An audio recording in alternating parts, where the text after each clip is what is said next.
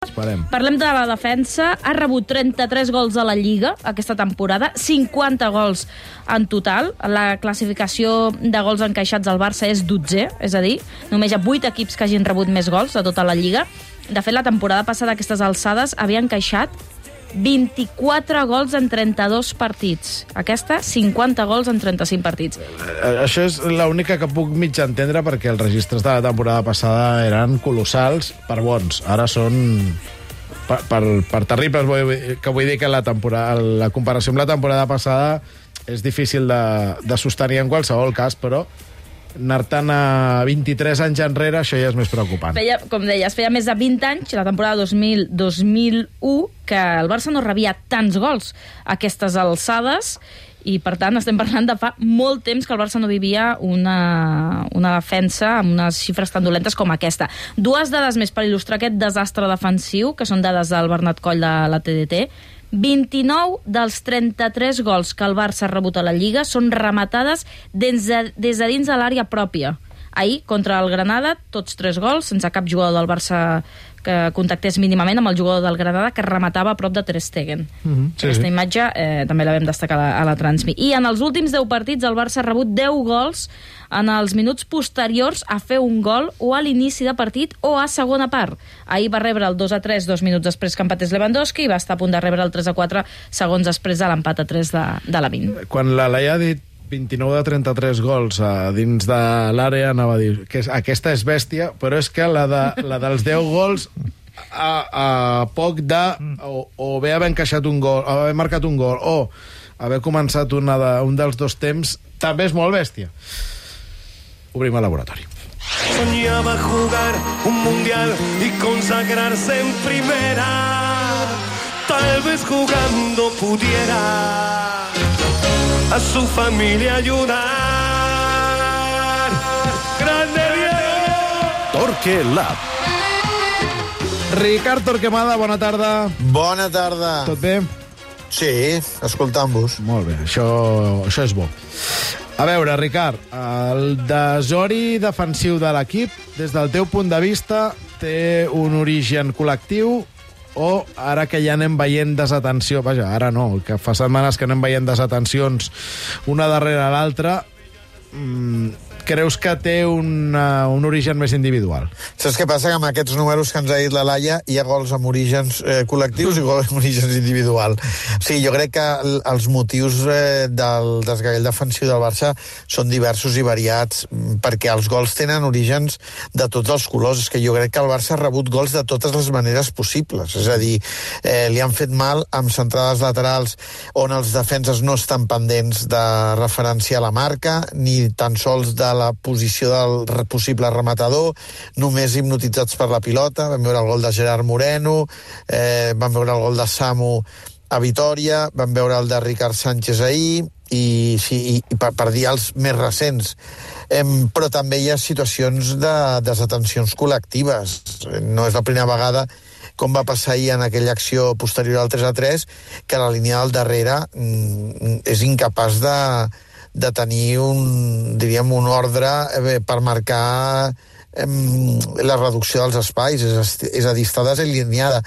I sobretot està desalineada repassant el partit del laboratori perquè els jugadors allunyats estan més enrere que els pròxims a la jugada, que, que és el més estrany, però no és la primera vegada, va passar a la final de la Supercopa contra el Madrid també, eh, és a dir, quan la pilota va per la banda dreta, els jugadors que estan a l'altre sector eh, veuen tot de cara i per tant veuen les alçades dels seus companys i són ells els que han de marcar, diríem, la mateixa alçada que els companys que tenen, que, que estan més pendents de la pilota. En canvi, ja ha passat més d'una vegada que estan per darrere. I aquesta és una situació molt bàsica, com per entendre que es torni a repetir i torni a ser reincident. Eh, D'aquí que sigui tan fàcil pels rivals posar una pilota a l'esquena de la defensa i crear un problema, perquè és que no estan ordenats, estan esglaonats, no estan alineats com hauria d'estar a la línia defensiva.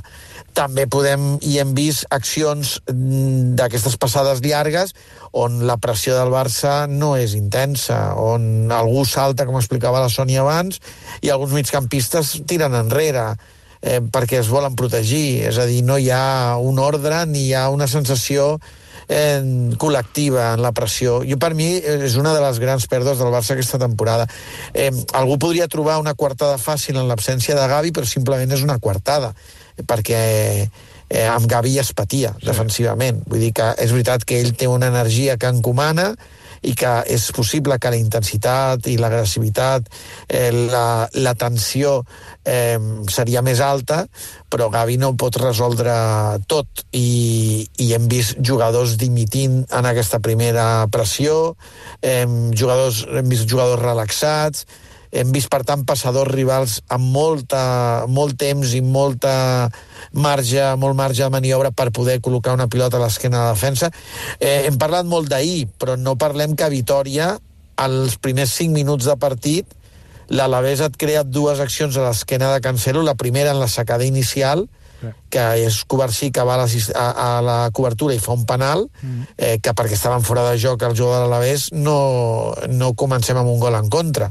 És a dir, que fins i tot partits on el Barça ha estat a un to relativament eh, correcte i que ha guanyat de manera confortable, ha tingut ensurts de tots els colors, de tota mena, eh, productes de... Això sí, per mi hi ha un punt, diríem que coincident, que és, una és falta d'entusiasme, de passió, de ritme. Jo no sé si són les cames o és el cap, però que l'equip no està amb una intensitat com si aquell fos l'últim partit de la temporada, eh, gairebé passa cada dia.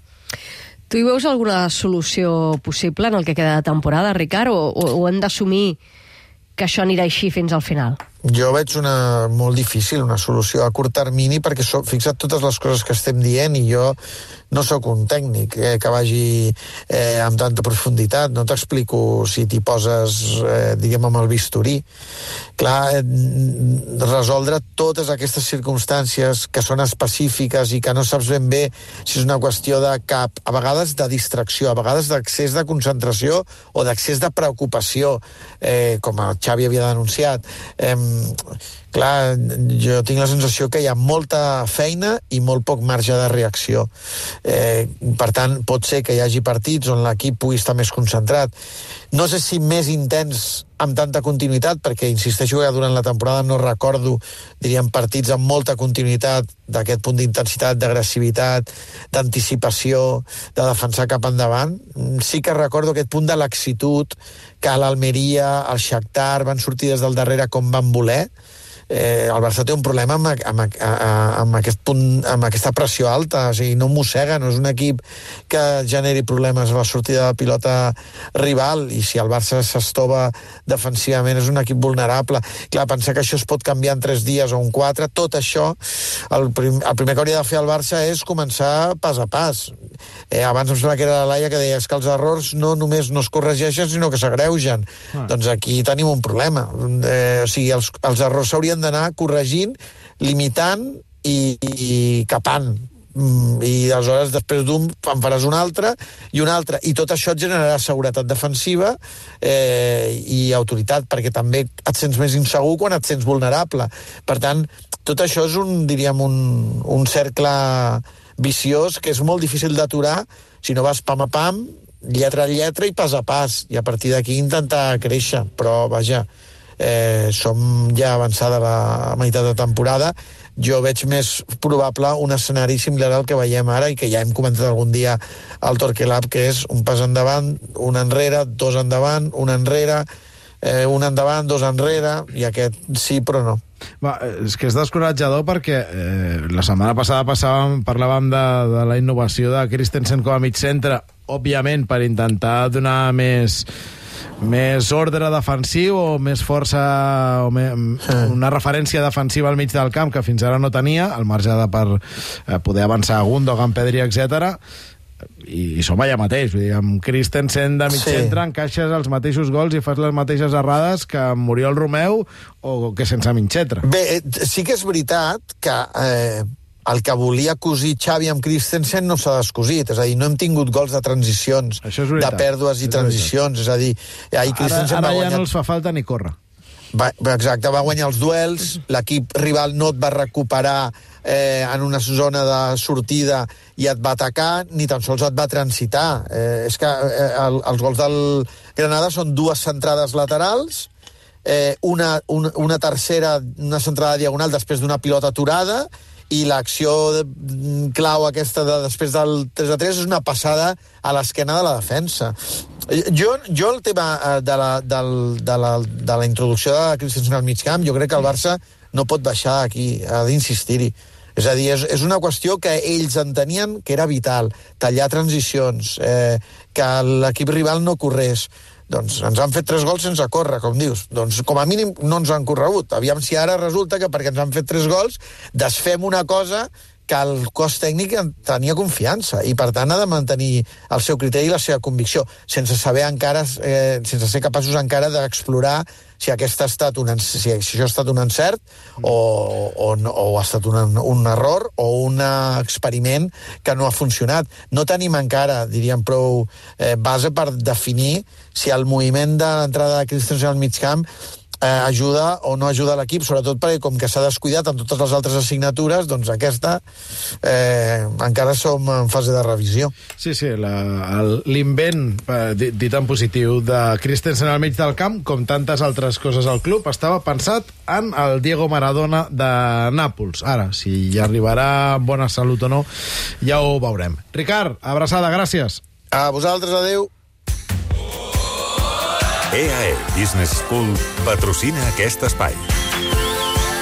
Sònia Leart, bona tarda. Hola, molt bona tarda. A veure, per posar el termòmetre a l'estat d'ànim de la nostra audiència, i aquí s'inclou els gironistes com els barcelonistes.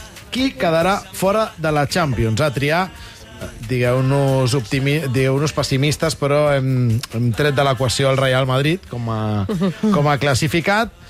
Barça, Girona, Atlètic de Madrid o Atlètic Club de Bilbao. Qui considera la nostra audiència que quedarà fora de Champions? 52